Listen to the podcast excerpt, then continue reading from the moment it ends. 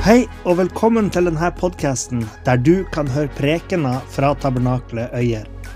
Vi håper det du hører her, vil være til oppbyggelse for det, og at det kan være til hjelp med å lede det til sannheten om Jesus. Hvis du ønsker å finne ut mer om oss, kan du gå inn på hjemmesida vår på tabernakletoyer.no.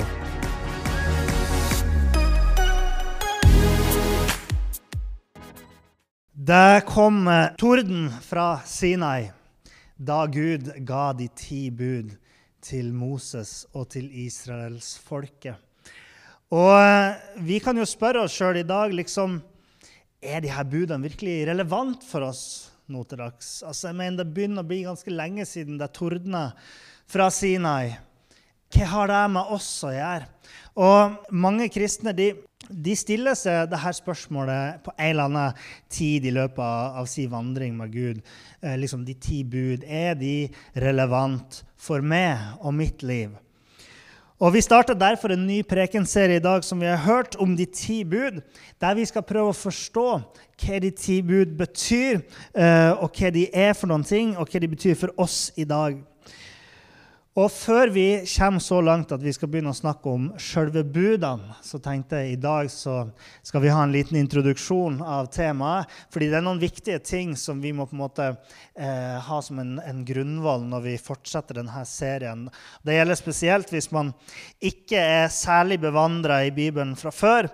Så er det noen grøfter vi må holde oss unna, og det er noen sannheter vi må gripe tak i. Så vi, vi begynner med noen grøfter som vi skal prøve å, å unngå. Den ene grøfta vi må holde oss unna når vi snakker om de ti bud, er lovløshet. Alt er lov fordi vi er frelst. Noen de misforstår og forenkler det Bibelen sier. Og så plukker de ut ting som de syns er fin, og så liksom forkaster de ting som de ikke liker. Og så sier de ja, men er ikke dette friheten som Gud har sørga for? Når vi tror på Jesus, så kan vi vel leve akkurat sånn som vi sjøl vil. Frihet i Kristus betyr vel tøylesløshet og lovløshet, gjør det ikke det? Vi er løst fra loven. Kristne snakker vel om frihet fra loven. Vel, konsekvensen av at kristne omfavner lovløshet, det er at man havner i fullstendig kaos. Og lovløshet vil til slutt bli deres undergang. Jesus han sa i Matteus kapittel 7, vers 21-23. Ikke alle som sier til meg, 'Herre, Herre', skal komme inn i himlenes rike, men den som gjør min himmelske Fars vilje. Mange skal si til meg på den dag, 'Herre, Herre, har vi ikke profetert i ditt navn' 'og drevet ut demoner og gjort mange kraftige gjerninger i ditt navn'? Men da skal jeg si rett ut, 'Jeg har aldri kjent dere'. Gå bort fra meg, dere som driver med lovløshet. Nå har jeg, eh, når jeg tenker meg om, aldri møtt en som kaller seg kristen, og som samtidig sier at eh, vi har ingen regler som gjelder for livene våre, liksom, som ikke forholder seg til noen ting. Men jeg vet om mange som ikke bryr seg om mange av Guds regler, i hvert fall. Og det er ofte de som snakker om en billig og en fattig nåde. En nåde som er en gratisbillett til himmelen, men som ikke har makt til å gjøre noen ting med vår syndighet her og nå. Som ikke har makt til å forandre vårt liv og våre hjerter. Det er de som fordømmer kristne, som ønsker å innrette livene sine etter en bibelsk moral. Fordi at da driver de bare med en liksom destruktiv moralisme. Og det er de som mener at reglene, Bibelen, reglene som vi finner i Bibelen, de har gått ut på dato. De er arkaiske, gammeldags. Vi er fri fra de gamle reglene. Det er de som sier at de ti bud var bare for den gamle pakt. Hva er det vi liksom er fri til? Hvis vi er fri fra de ti bud, hva er vi fri til? Endelig er vi fri til å spotte Gud. Endelig er vi fri til å drepe vår neste til å bryte vårt ekteskap. Hva er det vi er fri til hvis vi er fri fra budene? Jeg bruker å si det sånn at hvis vi eh, foreldre hadde latt ungene våre gjøre akkurat som de ville, og levd et lovløst liv, så tror jeg ikke de hadde vært her i dag. Der kan jeg si, Hvis ungene ikke hadde hatt regler Vel, Matteus hadde hoppa utafor galleriet her, vet du, og det hadde vært det. Paulus han skriver i Romerbrevet kapittel 6, vers 15.: Skal vi synde fordi vi ikke er under loven, men under nåden? Slett ikke. Vi må altså unngå sånn her fullstendig moralsk relativisme, der alt er lov fordi vi er frelst. Den andre grøfta vi må unngå, er loviskhet.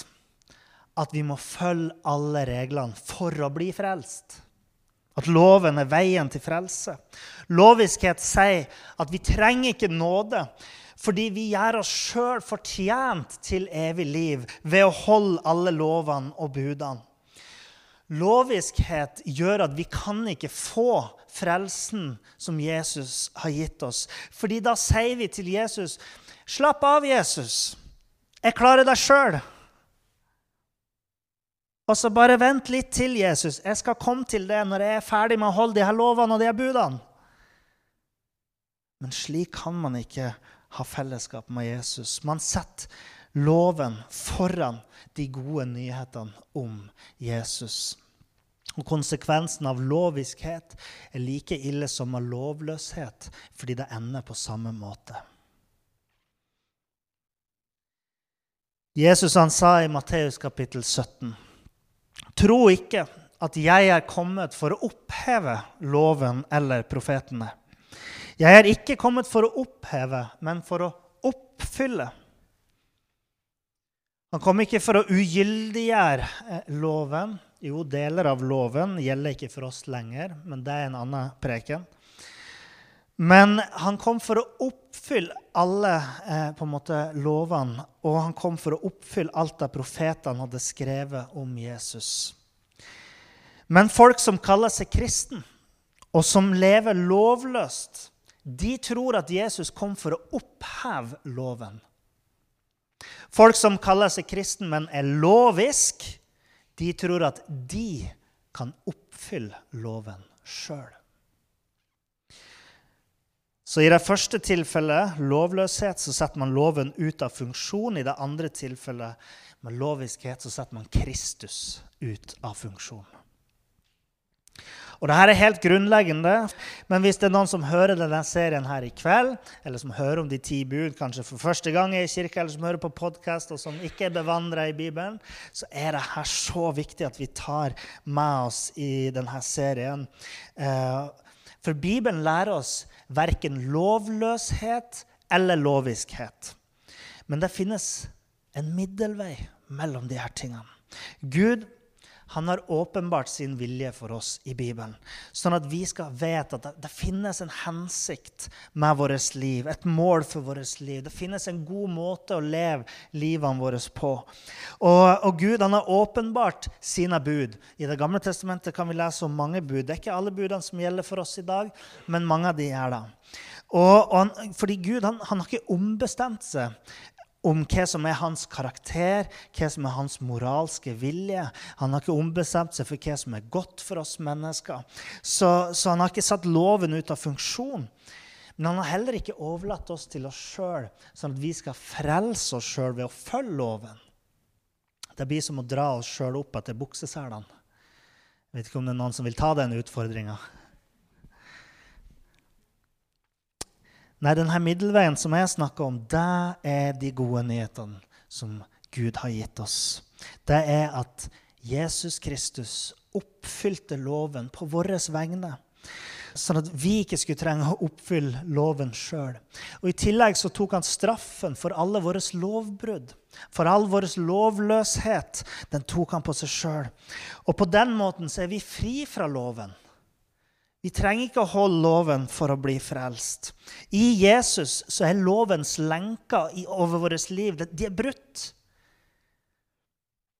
Det er ikke lenger en byrde på våre skuldre som leder oss til dom, Men vi er benåda av Gud når vi tror på Jesus. Tar imot det han har gjort for oss, så kan vi stå foran Gud, dommeren, og bli frikjent. Det er de gode nyhetene. Og når Den hellige ånd kommer inn i livene våre, så får vi attpåtil en fornya samvittighet og nye krefter til å leve gode liv som er i tråd med Guds bud. Og når vi feiler, kan vi be om tilgivelse igjen. Nåden er ikke bare en sånn engangstilfelle som sier hvis ikke du lever perfekt fra noe av, så går du fortapt. Men vi kan få en ny sjanse. Samtidig så, som vi lever i denne nåden og i denne tilgivelsen, så jager vi etter å leve liv som, som, er god, som er verdig for det nye livet, og som er til, til, det beste for oss. Så jeg kan si at middelveien sammenfattes så enkelt som det her. Vi kaller veien for hengivenhet. Altså, vi lever etter Guds bud fordi vi er frelst. Hengivenhet er altså det tredje punktet. og og det er mange ord man kan bruke på det. Men det handler om at vi lever etter Guds bud fordi vi er frelst. Ikke for å bli frelst. Og, og vi, vi, forkaster ikke Guds bud fordi vi er frelst, men vi følger Guds bud fordi vi er frelst. Vi lærer at Guds gode vilje for mennesket er åpenbart for oss i Bibelen, sånn at vi ikke skal gå fortapt ved å følge våre egne bud, men sånn at vi kan leve etter hans bud. Ikke for at vi skal bli frelst ved å følge hans bud, men fordi vi har fått den evige frelsen ved troen på Jesus, og så responderer vi til han med vår hengivenhet med vårt liv. Gjennom troen så har vi blitt, eh, blitt frelst og rensa fra synden. Og, og ikke sant? Jesus han helliggjør oss. Og så innretter vi vårt liv deretter. Vi innretter livene våre i tråd med den helligheten som Jesus har kjøpt for oss. Så vi forkynner ikke at vi skal leve i lovløshet fordi vi er frelst. Vi forkynner ikke at vi skal leve i loviskhet for å bli frelst, men vi forkynner at vi skal leve i hengivenhet til Gud fordi Jesus har frelst oss. Og min bønn når vi begynner å snakke om de ti bud, min bønn er at vi tar med oss det her. At vi griper det før vi setter i gang og hører om budene. Og at vi ikke misforstår, som så mange gjør. At det her handler om at vi kristne er så lovisk fordi vi skal bli frelst ved å være så god og grei. Nei. Min bønn er at vi skal forstå at det er nåde midt oppi alle de her budene. Og det vil jeg at vi skal ta med oss. Og jeg håper at akkurat det vil synke inn eh, for det At vi kan eh, se friheten i Kristus samtidig som vi snakker om, om Guds lover. Da tar vi og ser en liten eh, filmsnutt. Placing his feet in steps made without hands, and far up on those solitary heights, he drew near to the cloud that marked the place of God's presence. And it came to pass on the third day in the morning that there were thunders and lightnings and a thick cloud upon the mount and the voice of the trumpet exceeding loud, so that all the people that was in the camp trembled. And Mount Sinai was altogether on a smoke, because the Lord descended upon it in fire, and the smoke thereof ascended as the smoke of a furnace, and the whole mount quaked greatly.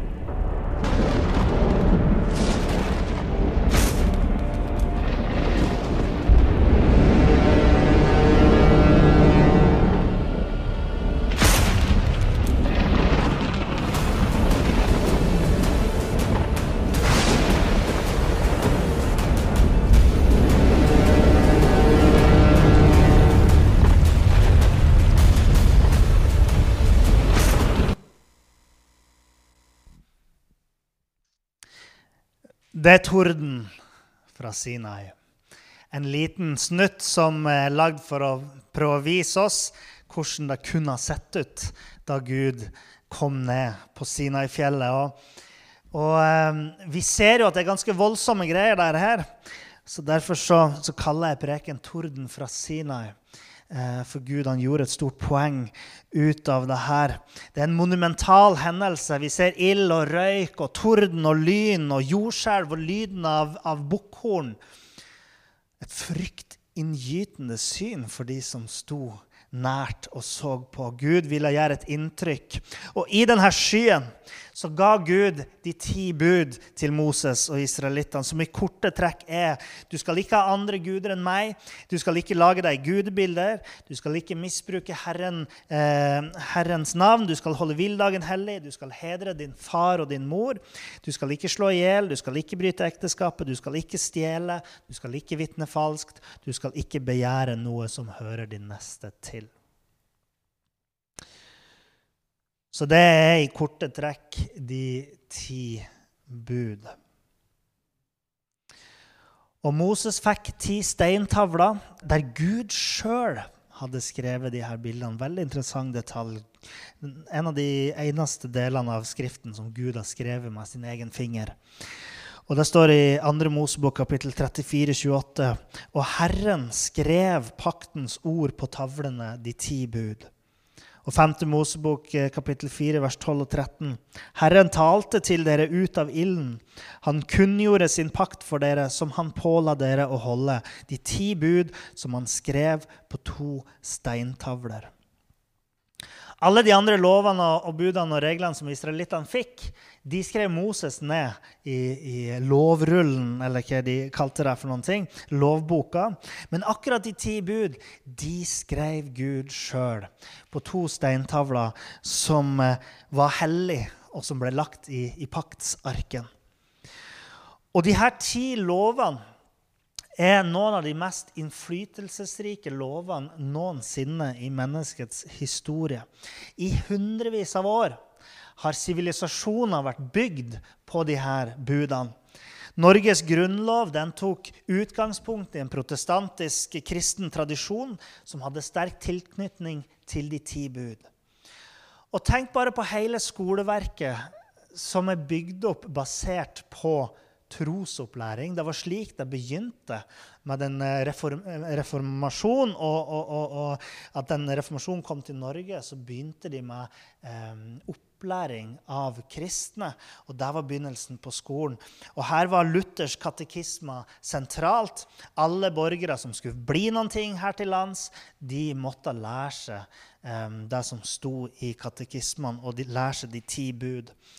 Og Jeg vet ikke helt når det her forsvant fra skolen. Jeg vet at noen av dere pugga de ti bud på skolen da dere var små. Eh, men det har, det har, det blitt slutt på. Og av den grunn så tilhører jeg og de som er yngre enn meg, vi tilhører etter de ti bud-generasjonen.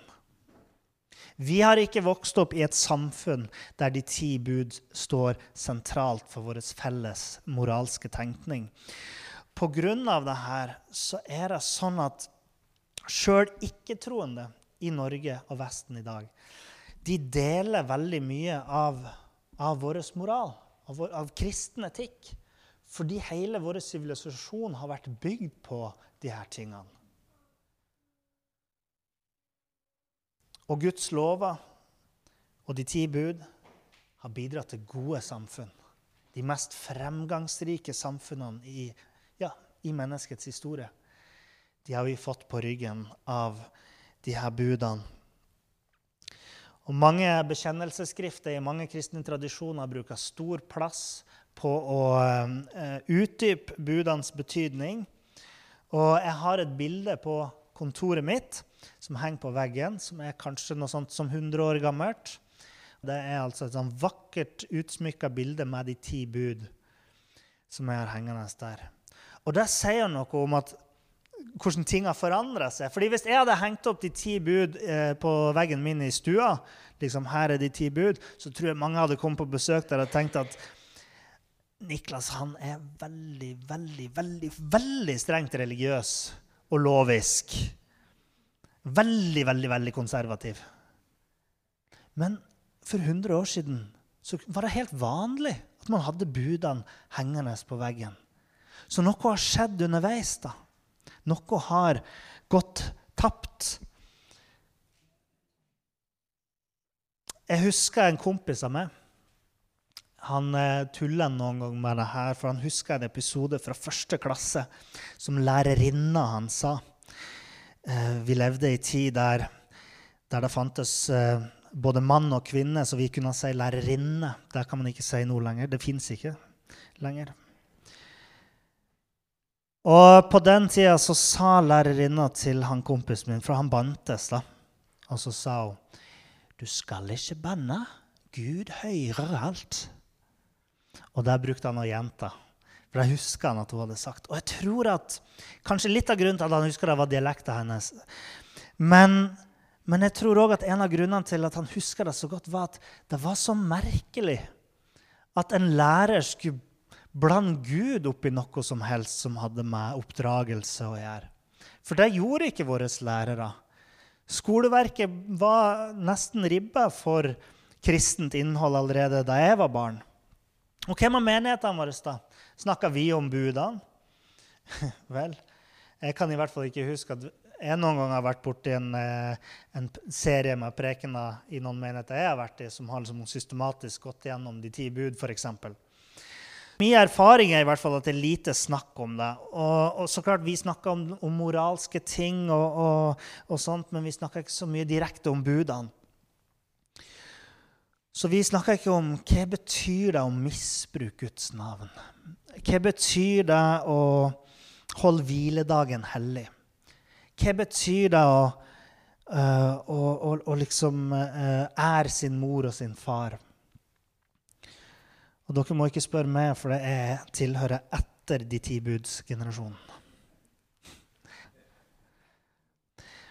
Nei, men kanskje, kanskje, opplever mange at det er noe strengt med de ti bud. At det henger en form for loviskhet over det, sant, som jeg allerede har snakka om. Så, så, da er det kanskje lettere å bare unngå å snakke om det. Og snakke om, om noen bud som gyldig og andre bud som ikke gyldig. Det blir fort veldig komplekst. ikke sant?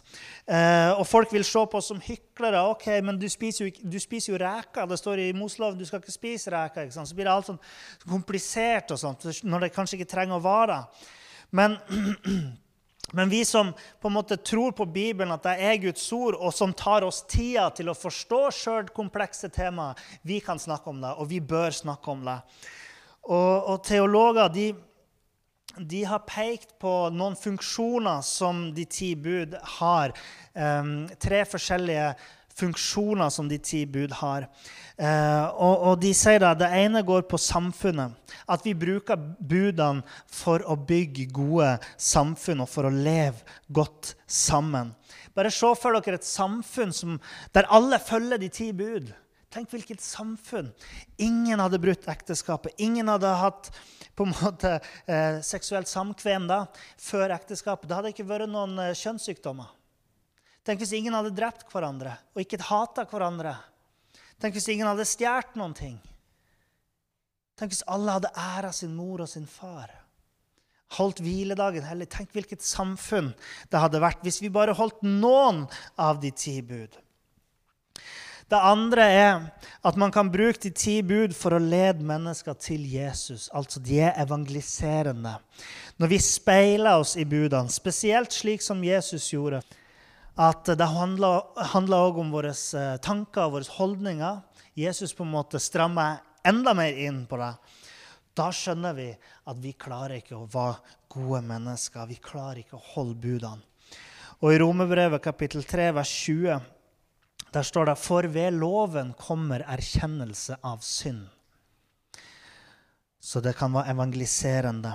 Og den tredje bruken som teologer bruker å, å, peke på, er at de brukes for å vise oss hvordan vi skal leve, som moralsk kompass. Som en del av de moralske reglene i det, det gamle og i Det nye testamentet så åpenbarer budene for oss hvordan Gud ønsker at vi mennesker skal leve. Moralsk kompass. Så vi ser at budene kan ha noen viktige funksjoner for oss i dag. Og, og, og, vi kommer ikke til å fokusere så mye på at vi skal prøve å få Norge til å følge de ti bud som samfunnsbyggende norm, men vi skal hovedsakelig fokusere på de to siste der i løpet av denne serien her. Men, men vi ser at det er viktig Og vi ser at gjennom budene så, så, forstår vi mer av Guds karakter og hans vilje for vårt liv. Så jeg tenker, la oss snakke om de ti bud. Jeg tror det er viktig. Og, ehm, og bare som en parentes så tenkte jeg på det at jeg kan jo si det Jeg burde kanskje ikke innrømme det her som pastor, men jeg har ikke holdt alle de ti bud alltid. Og, og, sånn er det for alle oss kristne. Vi vet at vi har ikke holdt budene alltid, og vi vet at vi kommer ikke alltid til å klare å holde dem. Men det sier ikke noe om at budene er dårlige, eller at Gud er ond. Eh, en som heter Frank Turek, en amerikansk trosforsvarer, han sa det sånn her, med litt sånn glimt i øyet. Hvis noen spiller Beethoven dårlig, hvem skylder du på? Du skylder ikke på Beethoven, du skylder på musikeren. Så når noen spiller Kristus dårlig, hvem skylder du på? Du skylder ikke på Kristus, du skylder på den som spiller Kristus. Og ingen av oss som kristne spiller Kristus feilfritt. Vi er alle falne. Hvis vi ikke var falne, hadde vi ikke trengt en frelser. Faktisk så sa jeg til Christopher Hitchens, som er en kjent ateist, eller var det før han døde så sa jeg til Christopher Hitchens i en av våre debatter Jeg sa, 'Christopher, jeg er en hykler. Jeg kan ikke leve opp til det Jesus sa.' 'Men hvis jeg kunne det, så hadde jeg ikke trengt ham.' Så når folk sier til meg 'Jeg kan ikke gå i kirken fordi det er så mange hyklere der nede', så sier jeg alltid 'Kom og bli med, kompis! Vi har plass til en til.' Jeg mener kirken er et sykehus for syndere. Det er ikke en golfklubb for helgener. Så nyhetsmelding kristendom er ikke kristne. Kristendom er Kristus. Så kan, kan, vi si på en måte det samme om de ti bud. De reflekterer Guds gode moralske karakter, og de er gode for oss, sjøl om vi ikke alltid lever opp til dem. Og jeg vet sjøl hvor godt det er for meg å holde de her budene i mitt eget liv. Jeg tror at, at, når vi lever etter en bibelsk etikk, så lever vi slik vi er meint å leve. Og Da tenker vi gode tanker, da gjør vi gode gjerninger, og vi har gode holdninger. Vi bruker tida vår godt, og vi bygger gode relasjoner. Og da vil vi være sterke, og vi vil være uklanderlige. Og jeg tror at det å holde de ti bud er å leve i frihet, å leve i kjærlighet å leve i hellighet, å leve i lydighet og å leve i rettferdighet. Og Det handler ikke om å være slaver for loven, men det handler om å leve i frihet for Kristus. Så la oss se på fem, fem punkter. For det første så er det å holde de ti bud å leve i frihet. Tenk på da Israelittene fikk de ti bud i Sinai. Altså, Først hadde Gud utfridd de fra slaveriet i Egypt. og Deretter så ga han de budene i Sinai-ørkenen. Uh, før Gud ga de budene, så sa han i 2. Mosebok kapittel 7, vers 2.: Jeg er Herren din Gud, som førte deg ut fra landet Egypt, ut fra slavehuset. Gud sier på en måte, 'Jeg har frelst dere. Dere er fri.' Her er reglene for at dere skal forbli fri. Så Gud han, sant, dere husker at Gud han kom til Moses i, i den brennende busken før de ble utfridd fra slaveriet. Da sa ikke Gud til Moses Se her, Moses. Her er de ti bud. Gå til israelittene, gi dem de ti bud. Og så skal jeg komme tilbake og se om dere har klart å holde dem. Og hvis dere har holdt de her budene om 400 år, da skal jeg slippe dere fri. Det var ikke slik det foregikk, og det er slik noen tror at det var. Men frelsen kom først. Budene kom etterpå. Frelsen var av ufortjent nåde. Og så fikk de frihet. Og de fikk reglene for å leve i frihet. Fra Sinai-fjellet så tordna Gud med sine regler. Fordi at de skulle skjønne at de måtte ordne livene sine etter, eh, etter altså liksom, De måtte ha grenser for den friheten som Gud hadde sørga for dem, sånn at de skulle fortsette å leve i den friheten. Så ofte så hører jeg folk si de sier sånn her Ja, jeg er frelst, men jeg må jo dit. Ja, jeg er frelst, men jeg må jo datt. Men jeg ser helt motsatt på det. For da tenker man liksom som å leve et hellig liv det er en begrensning for vår frihet. Å leve etter en bibelsk etikk er en begrensning for vår frihet. Vi sier 'jeg er kristen', men Men jeg tenker motsatt på det. Jeg, jeg tenker ja, jeg er frelst. Og jeg kan få lov til å være fri fra avgudsdyrkelse. Jeg tenker ja, jeg er frelst, og jeg kan få være fri fra hatefulle tanker mot mine neste. Ja, jeg er frelst, og jeg er fri fra synden.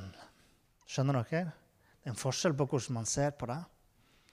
Og vi må gripe denne friheten som det er å leve etter Guds vilje. En teolog han sa det sånn her. Bare et morsomt bilde jeg leste. Hvis en fisk skal vokse, så er den begrensa til å leve i vannet, som er det riktige stedet for en fisk. Og hvis vi er fisker som Gud har plassert i vannet, skal vi da prøve å komme oss opp på land for at friheten vår skal bli større? Nei. Det vil vi ikke overleve. Og Peter han skrev i 1. Peters brev, kapittel 2, vers 16.: Dere er frie. Men bruk bare ikke friheten til å dekke over ondskapen, men bruk den som Guds tjenere. Så når vi snakker om de ti bud, så snakker vi om hvordan vi best lever ut den friheten som Jesus kjøpte for oss med sitt liv. Å holde de ti bud er å leve i frihet. Mitt andre poeng er at å holde de ti bud, det er å leve i kjærlighet. Man regner gjerne at Mosebøkene inneholder 613 buder, lover og regler. Og lovene kan oppsummeres i de ti bud, som en slags oppsummering av alle de andre lovene som kommer etterpå. Og så, i Det nye testamentet, så kommer Jesus og sier at de ti bud og alle lovene og alle reglene kan oppsummeres i to bud. Elsk Gud og elsk din neste. sant?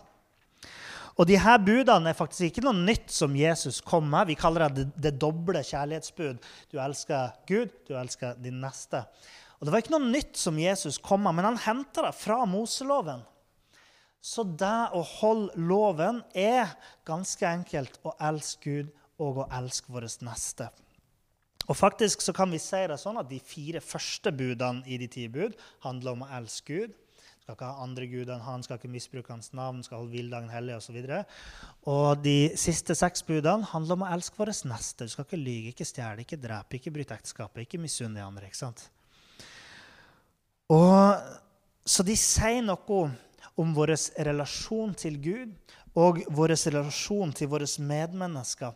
Og de sier noe om hvordan det vil se ut når kjærlighet får lov til å prege de her relasjonene. De gir et innhold til kjærligheten. Tenk hvis vi bare hadde hatt at Jesus sa 'elsk Gud og elsk din neste'. Ja, hva betyr det? Hva betyr det? Fordi at folk finner på mye rart som de kaller kjærlighet, i hvert fall i våre dager. Hva er det å elske Gud? Da kan vi se på budene og forstå mer av hva det er. Og tenk at ved Guds egen hånd så ble de her tingene rissa inn i stein, som er bygd på Guds kjærlighet. Så å holde budene er et uttrykk for kristen kjærlighet. Jesus han viste òg eh, Guds kjærlighet gjennom sitt liv. Og Tror dere ikke Jesus fulgte budene? da? Så klart gjorde han det. Han var en jøde. Han var jo Israels Messias. Han holdt loven for oss alle. Han oppfylte lovens krav på våre vegne. Han som var det største eksempelet på kjærlighet, han holdte budene. Og det var en del av det å leve i kjærlighet. Å holde de ti bud er å leve i kjærlighet. Punkt tre eh, å holde de ti bud er å leve i hellighet. Før Gud introduserte Moses og israelittene for de ti bud, så sier han i kapittel 19, det er kapittelet før vi får høre de ti bud, andre Mosebok kapittel 19, vers 3-6. Dere har sett hva jeg gjorde med egypterne, og hvordan jeg bar dere på ørnevinger og førte dere til meg. Derfor, om dere nå virkelig vil lyde min røst og holde min pakt, da skal dere være min eiendom framfor alle folk, for hele jorden er min. Skal, dere skal være et kongerike av prester for meg og et hellig folk. Og i 3. Mosebok kapittel 11 vers 44 så sier Gud til dem, For jeg er Herren deres Gud, derfor skal dere hellige dere, og dere skal være hellige, for jeg er hellig. Hva vil jeg si? Da vil jeg si at de skulle være annerledes enn alle andre folkeslag. De skulle være på en måte adskilt fra alle de andre fordi at de var Guds eiendom. De var hans, og de skulle leve sine liv etter hans standard fordi at det de gjorde, reflekterte over på han. Og Gud sa videre i 3. Mosbok i kapittel 18, vers 2-3.: Jeg er Herren deres Gud. De gjerningene som ble gjort i landet Egypt, der dere bodde, skal dere ikke gjøre etter. Og de gjerningene som blir gjort i Kanans land, dit jeg fører dere, skal dere ikke gjøre etter. Dere skal heller ikke følge skikkene deres. Og enda litt videre ser i kapittel 20, vers 26. Dere skal være hellige for meg, for jeg, Herren, er hellig. Og jeg har skilt dere ut fra folkeslagene for å være mine.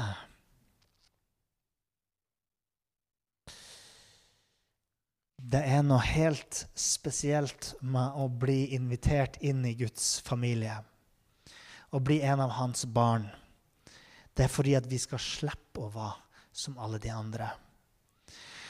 Og dere vet at det samme som var sant for israelittene, sant for oss i dag. Gud kaller alle troende kristne til den samme hellighet som han kalte Israel til. Det står i 1. Peters brev kapittel 2,9, der Peter skriver til de kristne.: Men dere er en utvalgt slekt, et kongelig presteskap, et hellig folk, et eiendomsfolk. Så dere skal forkynne hans underfulle storverk, han som kalte dere ut av mørket og inn i sitt underfulle lys. Vi er ikke kalt ut av, av bare fra Egypt, men vi er kalt ut av mørket. Vi er kalt ut av det dypeste mørket, syndens mørke. Og vi er kalt til å være et hellig folk for Gud, lys i verden. Og helligheten den synliggjøres når vi holder de budene som Gud har gitt oss. Å holde de ti bud er å leve i hellighet. Den fjerde tingen er at å holde de ti bud er å leve i lydighet. Vi kaller ikke Jesus bare frelser eller redningsmann, men han er òg herre. Han er vår frelser og vår Herre. Og hvis vi kaller ham for Herre, så krever det at vi underkaster oss hans vilje. Jesus sa i Johannes kapittel 14, vers 15.: Hvis dere elsker meg, så hold mine bud.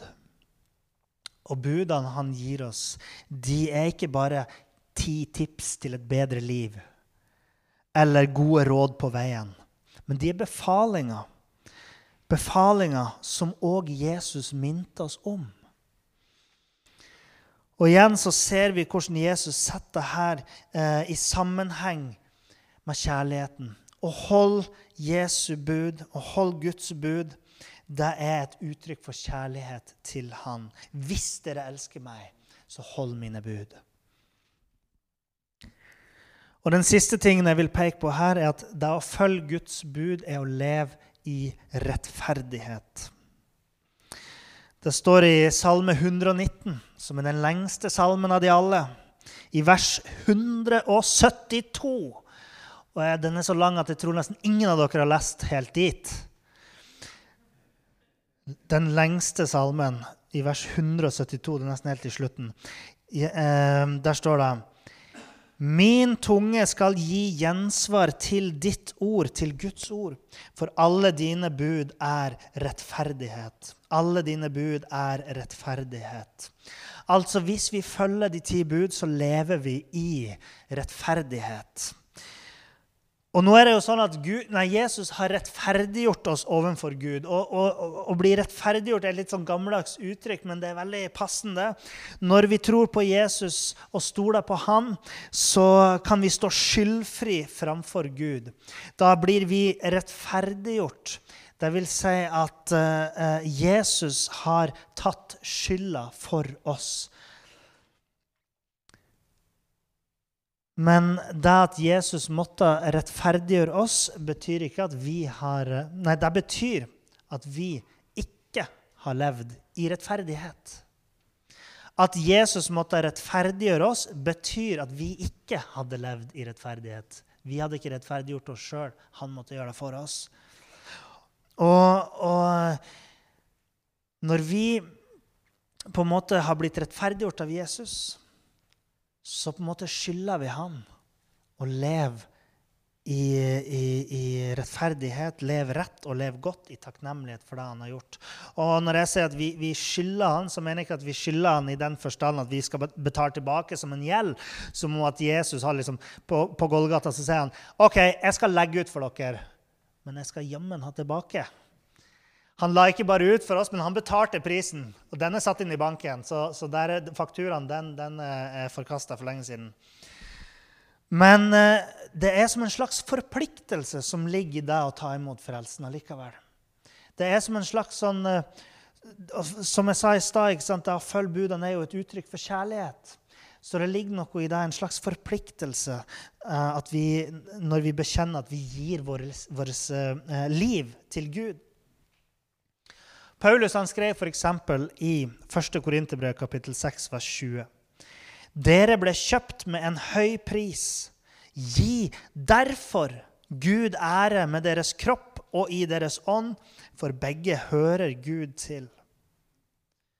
Så det følger på en måte naturlig, da. Det følger på en måte naturlig med.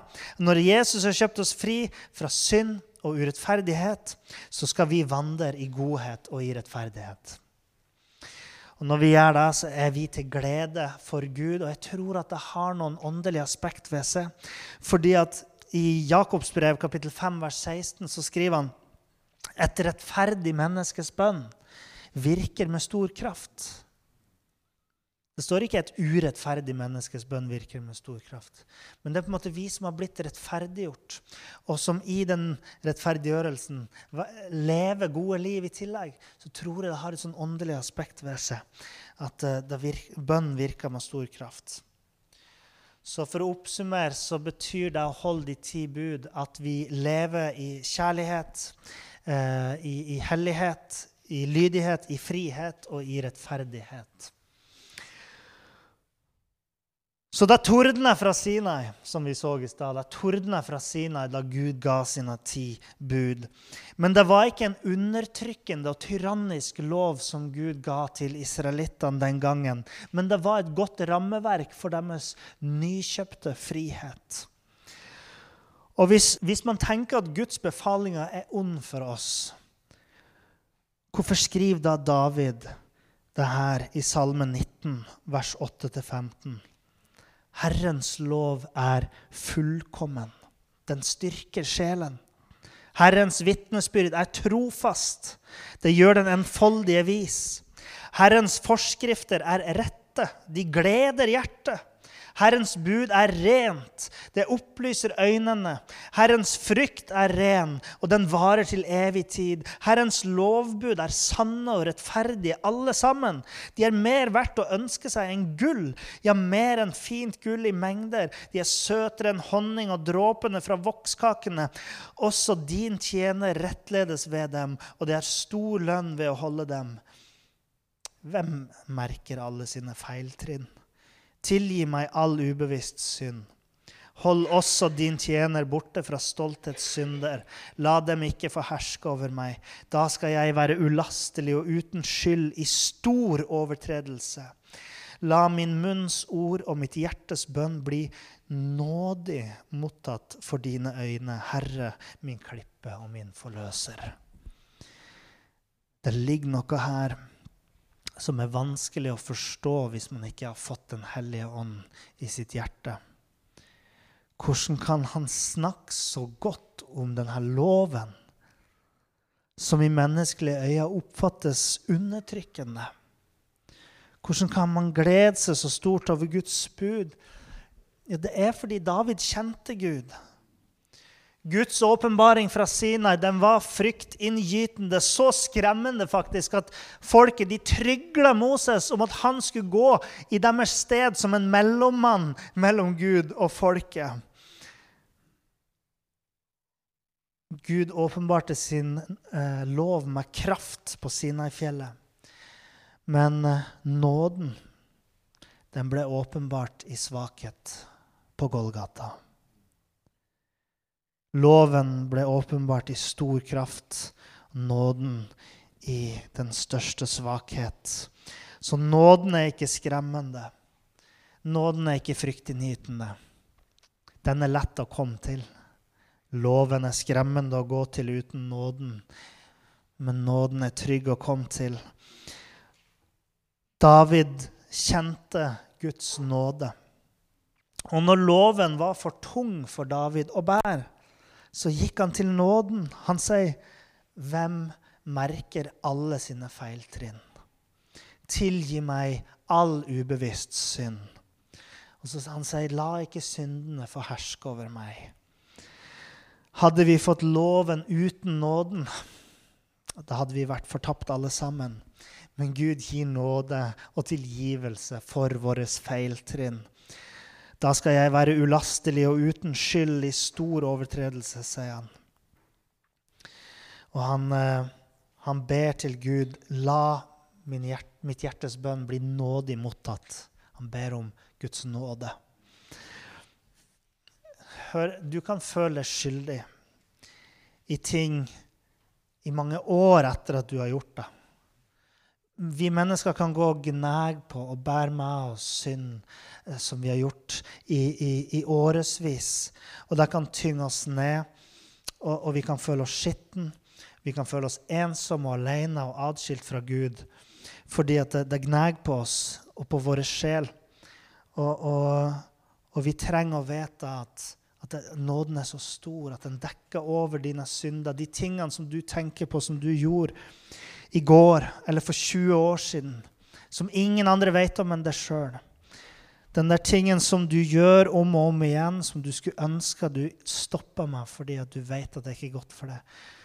Det er tilgivelse for det å finne. Det er tilgivelse for det, og frihet fra det, det du tenker på, og det du sliter med. Uansett hvor stor synden var, Uansett hvor stor overtredelsen var, så kan Gud tilgi det. Og han kan utslette den synden. Og, og, alt du trenger å gjøre, er å komme til han, gjør som David, be om nåde. Bare be Gud om nåde. Tilgi meg, Herre. Og Gud, han vil tilgi det. Og vi vil òg tilgi det, fordi Gud tilgir det.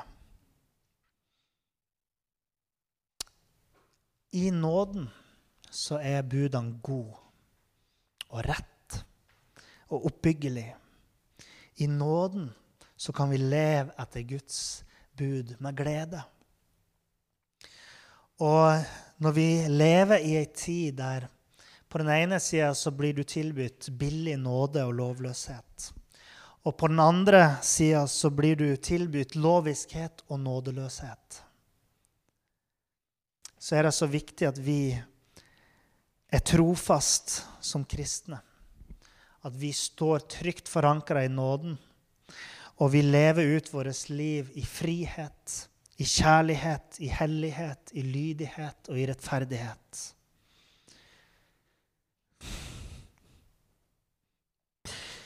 Og det var det Gud la på hjertet mitt for noen måneder siden, da jeg følte at jeg skulle um, forkynne om de ti bud. For at vi bare skal forstå at Gud har kalt oss til et bedre liv enn bare å leve i billig nåde eller i loviskhet og nådeløshet. Så jeg har bare kjent det så sterkt den siste tida hvordan, hvor viktig det her er for oss å snakke om hvordan vi lever som troende. Fordi Gud har sånn glede i det, og vi har så godt av det. Å leve etter Hans vilje. Så jeg håper at dere kan gripe det jeg snakker om. At vi har en gylden middelvei. Vi kan stå i nåden og glede oss over, no over loven. Så jeg vil, at, jeg vil bare be om at Gud skal legge det på våre hjerter og kjenne at de her budene er gode. At han kan legge det på vårt hjerte, at vi skal kjenne at det å leve hellige liv fordi han er hellig, er godt for oss. Og, og det, er en, det her er et kall til vekkelse. Det er et kall til vekkelse blant oss kristne. Eh, at, vi, at, vi, griper det her og er lydige mot Gud og følger Han. Så la oss søke mer av Gud, og la oss se mer av Han i våre egne liv.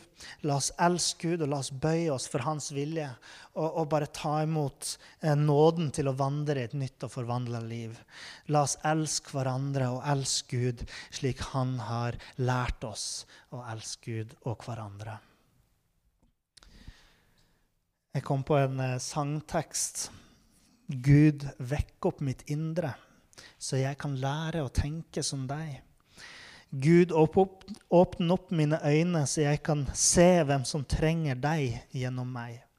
Gud, løs fri mine hender, så de kan gjøre det de blir skapt til. Gud, vis meg din vilje, for dit du går, er også der jeg vil.